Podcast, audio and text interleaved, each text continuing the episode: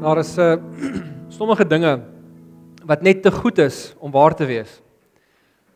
Ehm um, en tog is dit waar. Daar's baie keer is um goeie nuus so onwaarskynlik, maar ten spyte van die onwaarskynlikheid is dit steeds iets wat waar is. En een van die beste voorbeelde vir my uh, wat my regtig my hart geraak het die afgelope paar jaar kry ons in die ehm uh, die persoon van die die sanger Rodriguez. Ehm um, wie van julle het die fliek Searching for Sugar uh, for Sugar Man gesien? Kan ek gou sien? Nee, julle kom ons 'n bietjie meer uit as eerste dienste mense.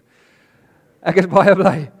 Nou dit dit vertel die storie van Rodriguez in die laat 60er en vroeë 70er jare was hy 'n baie baie populêre sanger in Suid-Afrika gewees. Ek onthou toe ek weer Searching for Sugar Man kyk en ek hoor die songs wat hy sing, toe onthou ek o ja, as klein laaitie het ek onthou my my my broer het daai het daai songs gesing uh, en en hy het dit gespeel op die radio en hy het plate gehad van Rodriguez. En uh, so in Suid-Afrika was hy ongelooflik populêr geweest, maar op 'n stadium in die vroeë 70s ewe skielik hou hy op om albums te produce. En ehm um, en toe kom die storie Suid-Afrika toe dat hy die rede is dat hy hy's dood. Maar daar's daar was weer sprekende stories oor hoe hy regtig oorlede is. Party mense sê hy het homself geskiet. Hy was baie hoogs depressief en het sy eie lewe geneem met 'n pistool.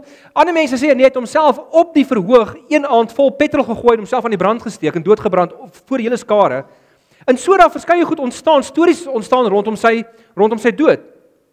En omdat hy so geweldige aanhang gehad het in Suid-Afrika, het baie van die Die platemaatskappye se eienaars en of mense wat lief was vir musiek, het altyd gewonder hoe hy oorlede. En een so eienaar van 'n platemaatskappy het gesê hy het so 5, 6 doelwitte vir homself gestel rakende musiek. En een van die goed was hy wil uitvind hoe Rodriguez hoe Rodriguez oorlede is.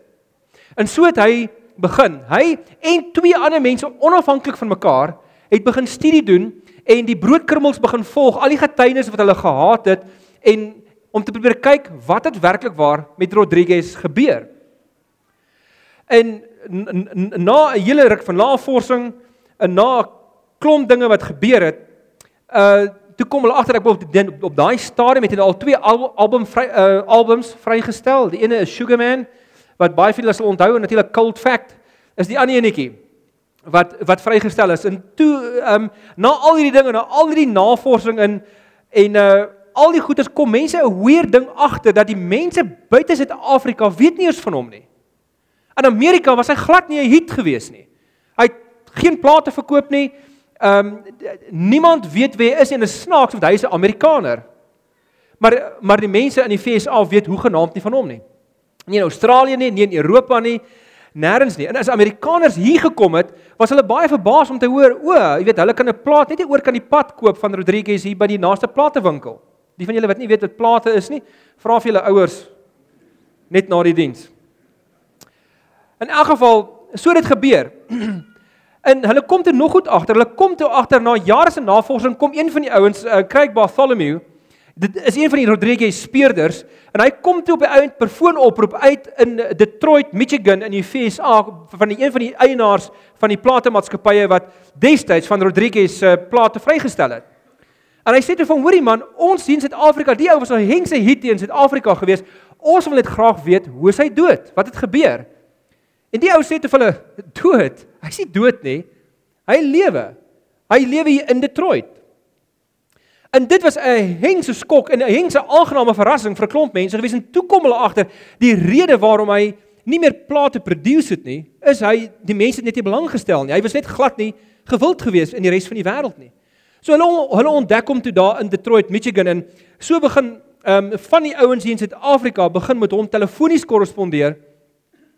En hulle sê vir hom, uh, die een ou het hom gesê, ek dink is uh, Steven ehm um, Segerman het vir hom gesê, "Wie wat, jy is in Suid-Afrika meer gewild as Elvis. Jy's meer gewild as die Rolling Stones."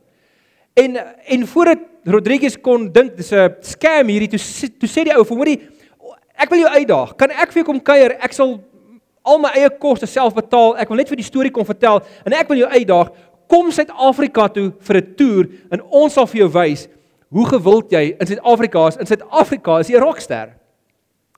En hierdie ou kon dit nie glo nie. In elk geval, hulle toe 'n verhouding met mekaar begin en uh Craig Bartholomew sê die volgende. Hy sê I was searching for a dead man and I discovered a living man.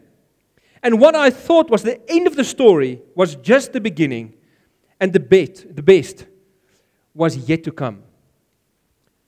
Hoekom het hy dit gesê? Wat het hy bedoel toe hy gesê het the best was yet to come? Want toe hulle nou begin om 'n verhouding te smee, toe sê hy vir hom kom Suid-Afrika toe ons sal vir jou 'n toer reël en toe gebeur dit uiteindelik dat in Maart 1998 toe kom hy in Suid-Afrika met sy drie dogters daaraan en ehm um, ons onthou sy dogter het nog gesê ehm um, sy het gehoop uh voor die tyd dat Henk daar is om so 20 mense by sy konsert die aand.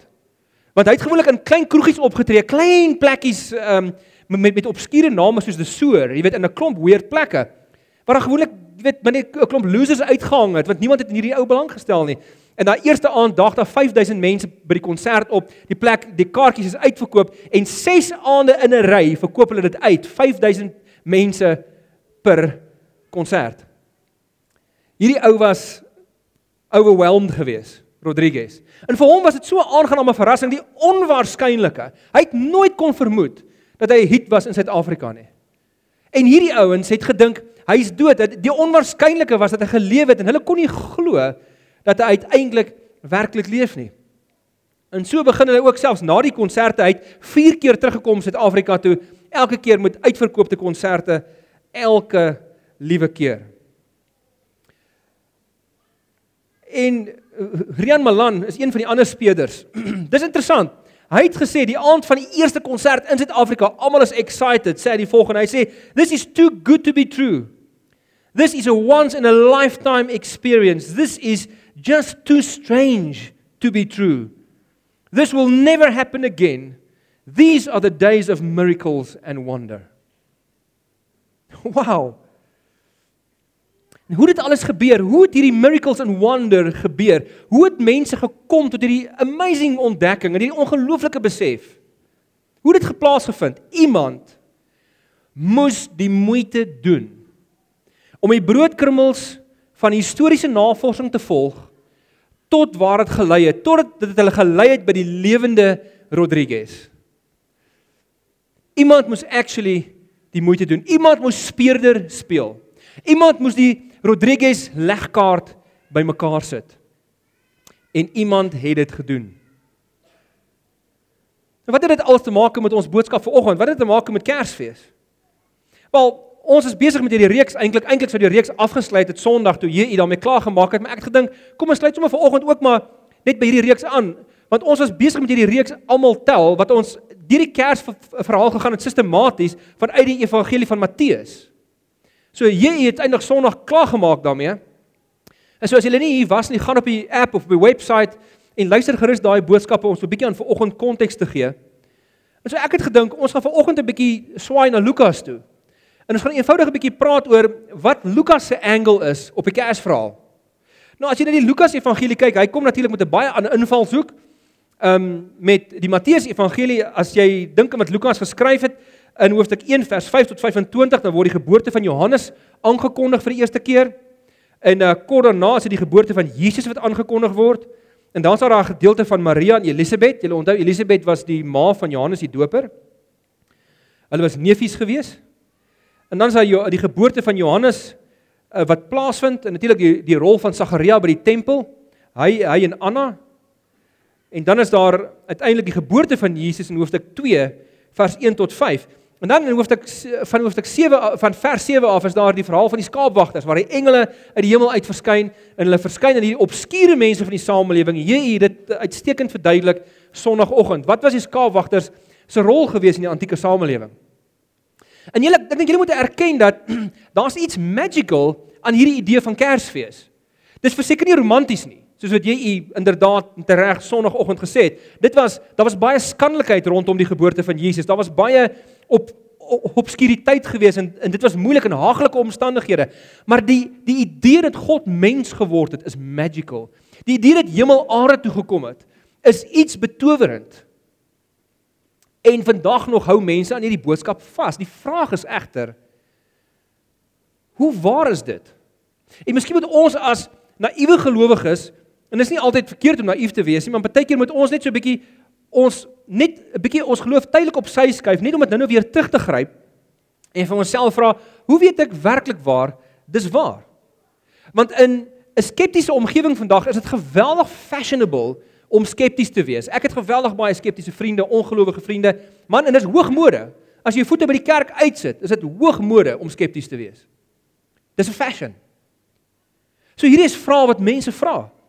In die 80er jare daar 'n organisasie ontwikkel genaamd the Jesus Seminar. En dit was mense wat skepties was oor Christus, skeptiese akademici wat gesê het, "Wie die Jesus verhaal um, het nie so afgespeel soos wat die Bybel regtig gesê het nie. Jesus was blote mens, meeste van die ouens glo dat hy mens was, maar niks meer is dit nie." En hulle het 'n ehm 'n 'n verslag vrygestel waarin hulle die volgende gesê het. Hulle het gesê, "The Gospels are now assumed to be narratives in which the memories of Jesus are embellished by mythic elements that express the church's faith in him." Met ander woorde, hy sê Die kerk het hierdie verhale so opgestel omdat dit die geloof wat hulle reeds in God gehad het, gereflekteer het. Dis nie asof hulle tot geloof gekom het as gevolg daarvan nie. Die verhale eh, druk eintlik net die geloof van die vroeë kerk uit dat daar 'n Jesus was wat mens geword het en dat die engele gesing het en so meer. And by plausible fictions that enhance the telling of the gospel story for the first century listeners who knew about, about divine men and miracle workers firsthand. Supposedly historical elements in these narratives must therefore be demonstrated to be so. So so hulle sê hierdeur die mense daai dae was primitief geweest. Hulle was bygelowig. Hulle het ne, hulle het nie geweet wat om te glo nie. Hulle het nog nie van die wetenskap geweet nie. So hulle het sommer net hierdie goed aanvaar en dit toe ingeskryf in die narratiewe as deel van hulle geloof. Nou, ehm um, C.S. Lewis wat baie van ons ken was 'n is natuurlik as jy iemand wil vra om oor mites kommentaar te lewer dan C.S. Lewis en J.R.R. Tolkien van Lord of the Rings is die beste ouens om te vra want hulle was experts geweest in middel in middeleeuse sowel as antieke noord-Europese mites en sprookieverhale. Hulle albei was professor by Oxford Universiteit geweest. En Lewis sê teen die Jesus seminar sê hy die volgende. Hy sê now as a literary historian I am perfectly convinced that whatever else the gospels are They are not legends. I've read a great deal of legend or myths, and I'm quite clear that they are not the same thing. So hier kom Loos en hy sê, "Wait a minute." Trouwens, hy het uitstekende goed geskryf oor die evangelies. Loos het kommentaar geskryf op dele van die evangelies en sê hy, "Wie as jy nou na na na, na die evangelie kyk of na hierdie storie in die evangelie kyk of hierdie ene, dan sien jy as jy dit met mites vergelyk, 'n mite lyk nie so nie. Die evangelies het 'n ander doel in die oë gehad. Nou, hoekom het Loos so gevoel? En wat sê dit vir my en jou? So kom ons lees ons skriflesing lesing vanoggend wat uit die heel eerste 4 versies van die Lukas Evangelie kom. Dis eintlik Lukas se inleiding, nie net tot die Kersverhaal nie, maar tot die hele evangelie. Sy heel eerste paar verse, ons kry dit in Lukas 1 vers 1 tot 4. Hy sê die volgende. Hy sê: "Hoëgeagte Theophilus, Daar is baie wat om onderneem het om 'n verhaal te skrywe van die dinge wat onder ons gebeur het. Hulle het dit opgeteken soos dit aan ons oorgelewer is deur die mense wat van die begin af ooggetuies en dienaars van die woord was. Daarom het ek dit ook goed gedink om self alles stap vir stap van vooraf te ondersoek en die verhaal noukeurig in die regte volgorde vir u neer te skryf. So kan u te wete kom dat die dinge waaroor u onderrig is heeltemal betroubaar is.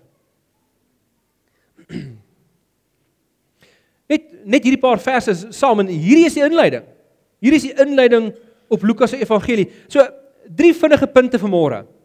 Dit bring ons by die eerste eenetjie. Die eerste een is dood eenvoudig. Mense in Lukas se tyd was ook histories skepties op soek na bewyse, net soos ons. Ehm um, nou kom ek sê gou wat gebeur. Baie mense wys terug na die onlangse verligtingstydperke by ons wat ontstaan het in die 1600s, 1700s wat gesê die menslike rede is alles en 'n mens kan niks aanvaar wat jy nie histories of, of of nie ja, histories of met observasie kan bewys nie. Maar en mense voor dit selle was sommer net primitief geweest. Nou ek wil vir julle sê enige iemand wat so sê dat antieke mense sommer net primitief was, praat nonsens. So oud nog nooit antieke goed gelees nie. Lees 'n bietjie Aristoteles en sê vir my daai was primitief. Of Plato. Of die of die dinge wat hy sê oor Sokrates of of Thucydides of of hoe wie ook al. En wat mense baie keer mis is, nou nou hierdie gee aanloop tot Lukas. So byt net so 'n bietjie vas. Alraai. 5 eeue voor Christus was daar in die Griekse denke 'n intellektuele renessans gewees. Was daar hulle eie verligting gewees. En weet jy wat was die voorveronderstellings van hierdie verligting? In die 400s voor Christus, 5 eeue voor Christus. Hulle het die menslike rede ontdek hulle die menslike rede in die sentrum van realiteit geplaas en gesê alles kan verklaar word deur menslike rede. Trouwens, as ons baie keer praat van die logos, Johannes sê in die begin was die logos. Vir die Grieke was die logos begrip was eintlik 'n stuk redelikheid. Hulle het gesê dis die rede wat die hele heelal bymekaar hou. Dis 'n onpersoonlike krag wat die hele wêreld bymekaar hou. Hulle het gesê dis redelikheid. En hulle het niks aanvaar wat nie redelik bewys word nie. Daarom het jy skeptiese skeptiese mense gekry in, die antieke tyd. Mense soos Epicurus en Democritus wat gesê het hulle glo nie eers in die bestaan van die gode nie, want jy kan dit nie redelik verklaar en bewys nie. So mense in daai tyd was baie baie skepties en het hulle al daaraan gedink, hoekom aanvaar Lukas nie Markus en Matteus se versions van die verhaal nie, want hulle het al bestaan, hulle was al in sirkulasie gewees. Hy hy vertel daarvan in hoofstuk 1 wat ons nou pas gelees het. Hoekom aanvaar hy dit nie? Want Lukas was waarskynlik 'n mediese dokter, so hy was 'n wetenskaplike. Hy het gedink, nee, wait a minute. Hierdie ouens kan daai stories vertel, maar ek gaan dit self uitcheck. Ek gaan self sien of dit waar is. En daarom skryf hy aan Theophilus en ons weet nie wie was Theophilus nie. Miskien ehm um, indien hy werklik bestaan het as hy nie net 'n simbool was van van van liefhebbers van God nie, wat is wat die die naam beteken? Theos ehm um, philia, liefde vir God, liefhebbers van God. Dan was hy heel waarskynlik 'n uh, 'n Griekse hoëgeplaaste, ook 'n intellektuele persoon vir wie Lukas hier skryf. So in daai dae was mense net so skepties geweest. Trouwens jy sien dit in die in die geskrifte wat ontstaan het in daai tyd het hulle geskrifte geskryf oor hoe moet jy geskiedenis skryf omdat dit vir hulle so belangrik was. En daar's hordes geskiedskrywings eh, wat jy kan lees. En trouens ek wil vir jou sê party van daai ouens is baie meer akkuraat as wat mense vandag is. Hulle het ook baie hulle geskiedskrywing lyk nie heeltemal soos ons nie. Dit lyk 'n bietjie anders. Hulle het ook baie keer baie vrye poesie gebruik. Maar dit was ouens wat geskryf het oor hoe dit hoe jy dit moet doen. So skryf Polybius in in so 118 na uh, voor Christus is hy gebore. Hy sê For since many events occur at the same time in different places and one man cannot be in several places at one time nor is it possible for a single man to have seen with his own eyes every place in the world and all the peculiar features of the different places. The only thing for a historian is to inquire from as many people as possible to believe those worthy of belief and to be an adequate critic of the reports that reach him. Jy kan hoor hoe hierdie ouens gesê het, jy kan nie sommer net na enigiemand luister nie. Jy moet luister na die regte mense, na mense wat gereis het en wat wat wat geoordentlik navorsing doen het. Lucianus wat uh, oorlede is 180 na Christus, hy het 'n boek geskryf, How to Write History. Hy skryf die volgende: As to the facts themselves, the historian should not assemble them at random but only after much laborious and painstaking investigation. You should, for preference, um, be an eyewitness. But if not, listen to those who tell the more impartial story. Nou nee, ek kan vir julle nog aanhaling na aanhaling na aanhaling na aanhaling wys van verskillende ouens wat gesê het hoe belangrik dit is om geskiedenis reg te skryf. Nou, nou kom ons by ons teks. En by ons tweede punt. Lukas beoog om 'n stuk geskiedenis te skryf. Nou dis belangrik om dit te sê. Want baie mense sê nee, maar weet jy wat, hy wou eintlik sommer net vir mense opbou in geloof. Hy, die geskiedenis was nie regtig vir evangelie skrywers belangrik nie. Nou dit is so, hy wou mense in geloof opbou, maar sy motief vir waarom hy dink mense kan opgebou word in die geloof is om staat te maak op wat hy dink dinge is wat werklik gebeur het. Kom ek lees julle nog nog nog een aanhaling, net of julle te te vra doen gou 'n oefeningkie terwyl ek dit lees. Kyk 'n bietjie wat se ooreenkomste kan jy kry tussen die inleiding van Lukas wat ons pas gelees het en hierdie inleiding van Josefus se belangrike werk ehm um, teen Appion. Dis die titel van die boek. 'n Nice titel vir 'n boek, né? Teen Appion. Hy skryf vir teen die ou. Hy het nie van die hy het nie die ou saamgestem nie. Imagine so 'n boek uh op exclusive books raak teen Julius Malema. Weird. In elk geval, Josephus skryf die volgende. Hy sê in my history of our antiquity of our antiquities, most excellent Epaphroditus. I have I think sufficiently clearly um the extreme antiquities of our Jewish race. Het hy nagevors sê hy. Since however I observe that a considerate number of persons who discredit the statements of my history, I consider it my duty to devote a brief treatise on all these points. So 'n brief treatise is honderde bladsye lank. To instruct all who desire to know the truth as witness to my statements, I propose to call the writers who in the estimation of the Greeks are the most trustworthy historians on antiquity as a whole. So hoor die parallel tussen hom en Lukas. Hy skryf ook vir iemand. Hy praat ook van hy gaan navorsing doen, doen. Hy praat ook van hy gebruik mense wat wat ooggetuies was of hy praat mense wat weet hoe om oor geskiedenis te praat. Nou ek moet vir 'n interessante ding sê. Daar was twee groot skole van geskiedskrywing gewees. En byt net so 'n bietjie vas, ons gaan nou lekker by die geestelike toepassing hiervan kom. Alraight. So twee skole van geskiedskrywing. Breed trek uit die Romeinse manier van geskiedskrywing en die Griekse manier van geskiedskrywing. Jy het nog die Joodse een ook gekry. Maar die Joodse een was so na aan die Griekse dat hulle het gesê kom ons hou dit sommer net so Romeins en Grieks. So die Romeine, hoe het hulle geskiedenis geskryf? Dis baie keer 'n senator wat afgetree het na die tyd en in die leunstoel van sy afgetrede lewe sit op 'n eiland iewers en hy het 'n klomp boeke, boekrolle by hom en hy lees al hierdie goeters en hy skryf 'n geskiedenis oor een of ander belangrike staatsman se lewe. Dis hoe die Romeine dit meestal gedoen het. Die Grieke het gesien, wag, wait a minute. As jy wil geskiedenis skryf, moet jy jou lewe daaraan wy. Jy kan dit nie eers doen as jy afgetree het nie. Jy moet baie meer moeite doen as dit. Jy moet reis na die plekke toe waar jy oorskryf. Jy moet die ooggetuies gaan soek. En jy moet mense gaan soek wat ten minste ooggetuies geken het as jy nie ooggetuies het nie.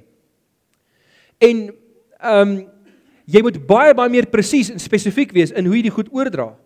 Nou as jy hoor wat sê Josefus hierso dan sê hy hy gebruik die Griekse manier van geskiedskrywing want dis die mees akkurate manier.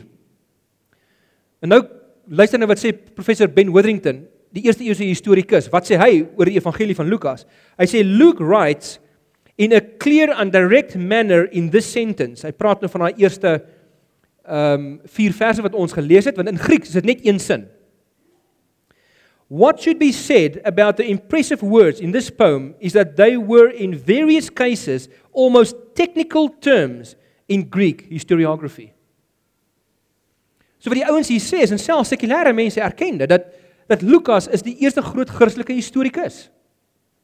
En daarom begin Lukas in die volgende vers, vers 5 in hoofstuk 1 sê hy in die tyd van koning Herodes van Judea. Hoekom doen hy dit?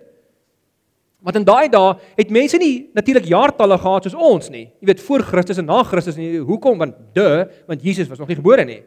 So dit is eers in 525 na Christus dat hulle die goed begin terugbereken het en toe begin praat van voor Christus en na Christus. So hulle het altyd gesê, weet jy in die dae van wanneer het dit gebeur Pieter? O, dit was in die tyd van Herodes van Judea gewees. Dan weet jy, o, okay, dis in daai tydperk. Of in die 15de jaar van koning Tiberius. Dan weet almal, o, dis die tyd waarvan daar gepraat word. Hoor hoe sê hoofstuk uh 2 van Lukas. En hy begin so: In daardie tyd het keiser Augustus 'n bevel uitgevaardig Hierdie volkstelling het plaasgevind toe Sirenius goewerneur was in die provinsie Sirië. Hoor hoor hoofstuk 3 vers 1. Dit was die 15de regeringsjaar van keiser Tiberius. Pontius Pilatus was die goewerneur van Judea en Herodes heerser van Galilea.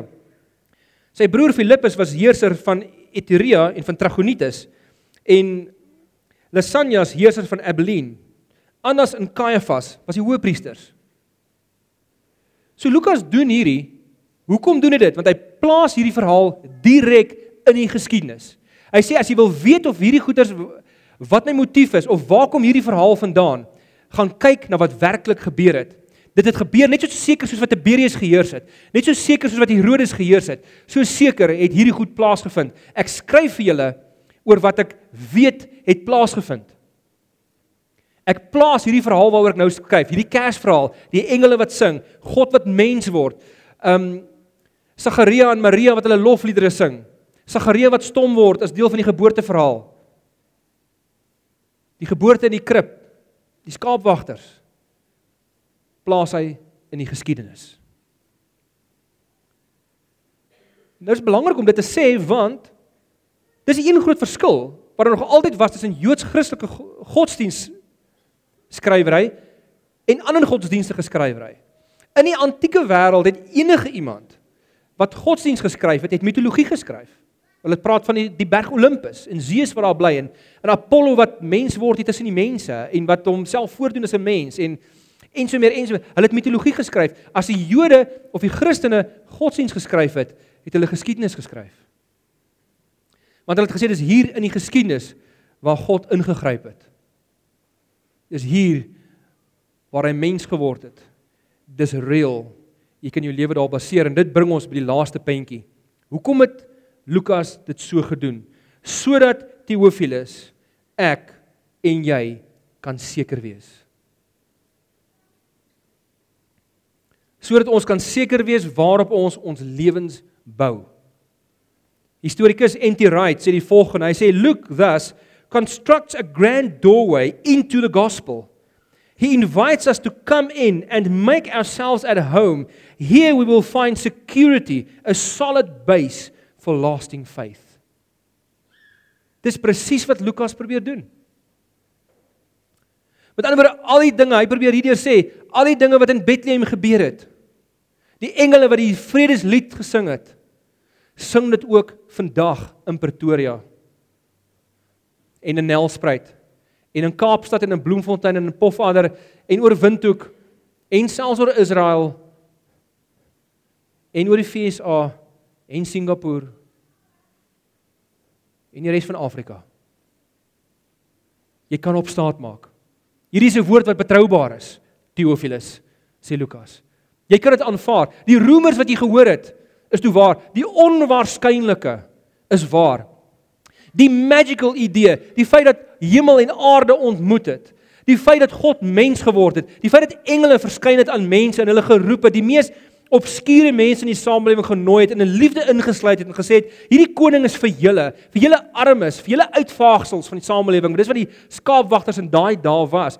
Kom kyk, die koning is gebore vir julle. Al hierdie magical elemente is so onwaarskynlik in 'n skeptiese mind. Maar net soos die verhaal van Rodriguez is dit waar. Jy kan jou lewe daarop baseer baie keer ons moet versigtig wees om altyd te dink dis altyd die meerderheid wat reg is. Of net wanneer almal iets aanvaar is dit reg. Selfs selfs die selfs ons eie bestaan is onwaarskynlik. Dis interessant die grootste ateïste, selfs die oppervlakkige ateïste soos Richard Dawkins en Sam Harris. Uh, uh, Richard Dawkins is 'n bioloog. Oxford bioloog. Hy's nou nie meer by Oxford nie, maar hy was altyd daar. Hy hy sê oor die bestaan van die heelal en ons bestaan sê hy we are highly improbable. As jy kyk hoe die heelal mekaar gesit is en hoe fyn hoe fyn getune die heelal is en hoe intelligent die mens is en hoe ons sosiaal interaksie het met mekaar en hoe ons met die natuur interaksie. Hy sê dit is so gedetailleerd, dit is so intelligent. Hy sê we are highly improbable. And yet, hier sit ons. Die onwaarskynlike is real. Die onwaarskynlike is waar. En vir Lukas is dit nie onwaarskynlik nie, maar hy skryf aan mense wat wat dink dit sou iets behoort onwaarskynlik te wees en hy sê dink twee keer. Ek het dit nou keurig nagevors. Ek het met die mense gaan praat. Ek het getravel. Ek het gaan kyk op die regte plekke. Ek sê vir julle, hierdie het gebeur.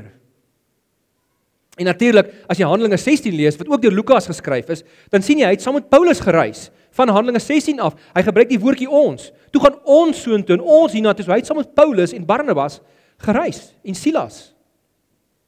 So hy het van die plekke besoek, hy het van die kerke gesien, hy het met mense gepraat wat die lewende Jesus gesien het.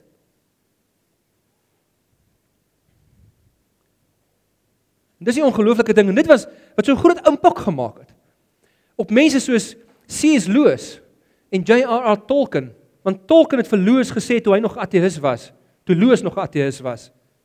Wie hy hy sê hierdie mites, hierdie sprokies wat ek en jy so bestudeer vir jare al, wat ons harte so aangryp, dit dit dit is 'n beautiful verhale en niemand stap uit 'n sprokies fliek uit en dink ag jy weet ek stel glad nie belang wat daar gebeur het nie. Jy mag dalk dink okay dis 'n klomp nonsens, maar daar's iets in elke mens wat dink o ek wens sprokies, ek wens die lewe het so gewerk. Ek wens um we all lived happily ever after. Ek ek wens die bonatuurlike was was eg. Ek wens die goeie wen altyd. Ek wens as ons om hulp roep of ons iets of as ons iets goeds doen, soos in sprokiesverhale, is daar is daar altyd goeie gevolge. Ek wens dit kan so wees. In Tolkien het verloos gesê maar jy lees die evangelies verkeerd want dit is presies wat evangelie is. Die evangelie is die menslike begeertes wat uitgedruk word in sprokiesverhale en in mites. Dis die begeertes van die mens wat realiteit geword het in geskiedenis. Die magic wat mense oorwonder en waarna ons almal begeer, het die geskiedenis binne gekom. Dit het die realiteit binne gekom. Dis real. Christus is real. En daarom kan kon Lukas ook 10 te 1 10 te 1 sê of soos baie mense wat Jesus se naam uh um nagevolg het of soos Paulus I went expecting to find, to find a dead man and I found a living man. Ek het gegaan om 'n dooie kind in 'n krib te sien. 'n Verhaal wat maar net opgemaak is en ek vind 'n lewende kind, 'n lewende koning. And the best is yet to come. Want Jesus is nie net gebore nie. Hy het 'n lewe geleef, hy het vir ons 'n nuwe realiteit geleer in wat hy wat hy vir ons geleer het. Hy het aan die kruis gesterf, net soos in sprokies het hy sy lewe opgeoffer om die ganse kosmos te herstel, om die dreigende ewel van sonde en van die bose te herstel. En dat die geskiedenis kom face in sy donkerste uur. En selfs toe aan die kruis gehang het, het hy vir sy disippels voor die tyd gesê, onthou net the best is yet toe kom en op die derde dag het hy opgestaan uit die dood. Die onwaarskynlik het gebeur. These are the days of miracles.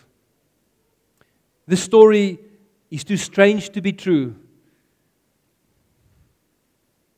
Maar tog is dit waar. Daarom, vriende, tel jou lewe. Daarom as jy hierdie jaar miskien jou werk verloor het of ieder 'n egskeiding gegaan of daar's 'n vriendskap wat verkrummel het. En jy weet nie waar om jy troos vandaan kan kry nie. Sê Lukas vir jou, jy kan jou troos vind in hierdie. Jy kan jou troos vind in Bethlehem. Daar waar 'n koning vir ons gebore is en dit is real. So real soos wat jy is. Daarom kan jy jou lewe daarop baseer. Daarom kan jy jou troos vind in die Here.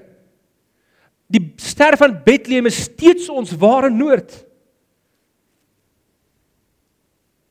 Die koning wat van Bethlehem is steeds die een wat in bewind is in hierdie wêreld. Al is hy so donker. Hy die lig gebring sodat dit ten minste dat ons kan weet lig is teenwoordig in hierdie wêreld. Al moet jy soms soek om dit te vind. Al moet jy soms jou geloofsbril opsit om dit te vind.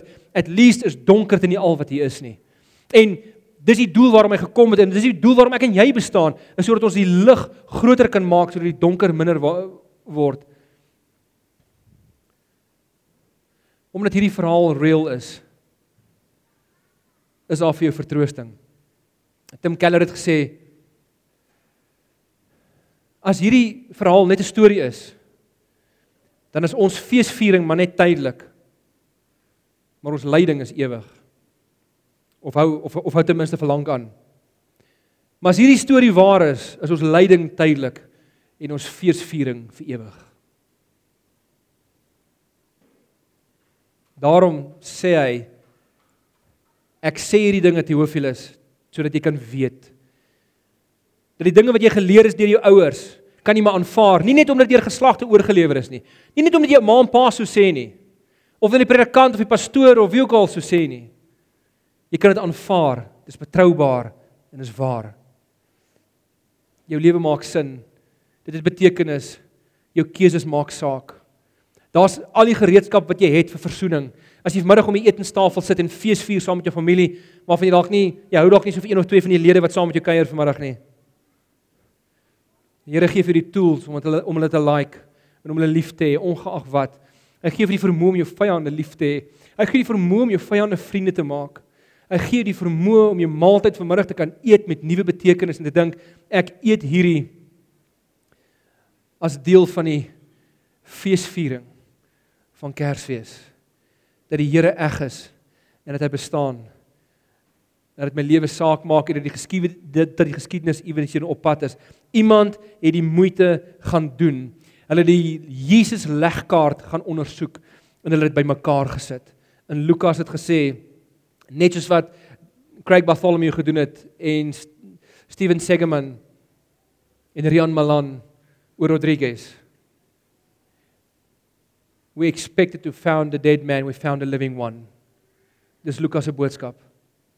These are the days of miracles and wonder. Die magic van Kersfees is real.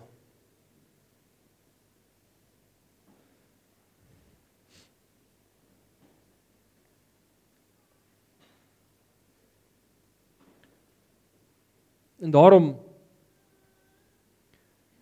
wanneer ons nou nog gaan sing light of the world you came down into darkness. Dan kan ons dit sing met alles in ons. Heng as hierdie storie waar is. En ek ek wonder baie keer of gereformeerde kerke dit regtig verstaan.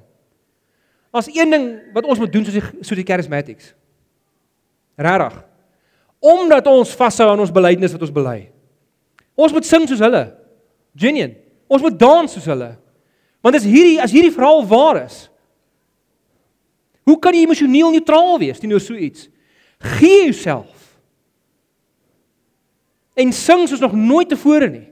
Light of the world, you step down into darkness. En dan sing ons net die koor die koor gedeelte sê here I am to worship, here I am to bow down. So wanneer ons dit nou nou sing, kom ons doen dit met als in ons. En net daarna dan sing ons haleluja, daai ene van ehm um, Len Cowan wat in Afrikaans vertaal is. En ons sing dit uit ons gemoed uit van binnekant af buitentoe. Jo. Maar soos wat ons anders sing, moet ons anders leef. En daarom om daardie rede moet elke Sondag so wees. Jy kan nie uitstap soos wat jy ingekom het nie. As jy verstaan waaroor ons praat, dan kan jy net nie weer dieselfde wees nie. So ek wil vir julle vra net soos dit ons hierso sit, kom ons maak almal ons oë toe.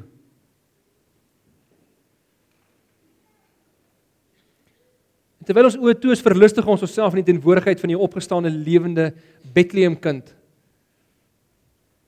En as en ons dink aan aan hoe hy gekom het vir ons. En Here Jesus, ons sê daarom vir U dankie. Dankie dat U nie net gekom het na ons wêreld toe nie. Dankie dat U nie net die magic na die donker toe gebring het nie. Maar dankie dat U gesterf het vir ons. Dankie dat ons vergifnis kan ontvang. Dankie dat ons kan seker wees. Here, ons dien U en ons kan U ken en ons en ons kan in 'n lewende verhouding met U staan.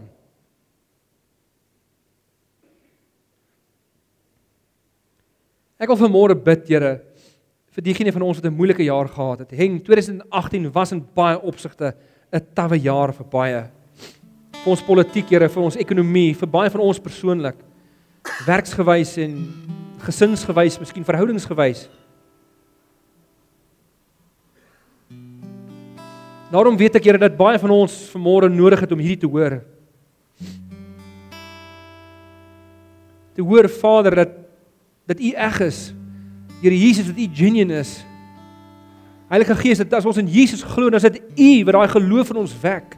Dit kom nie van nowhere af nie. Dit is gewortel in historiese realiteit.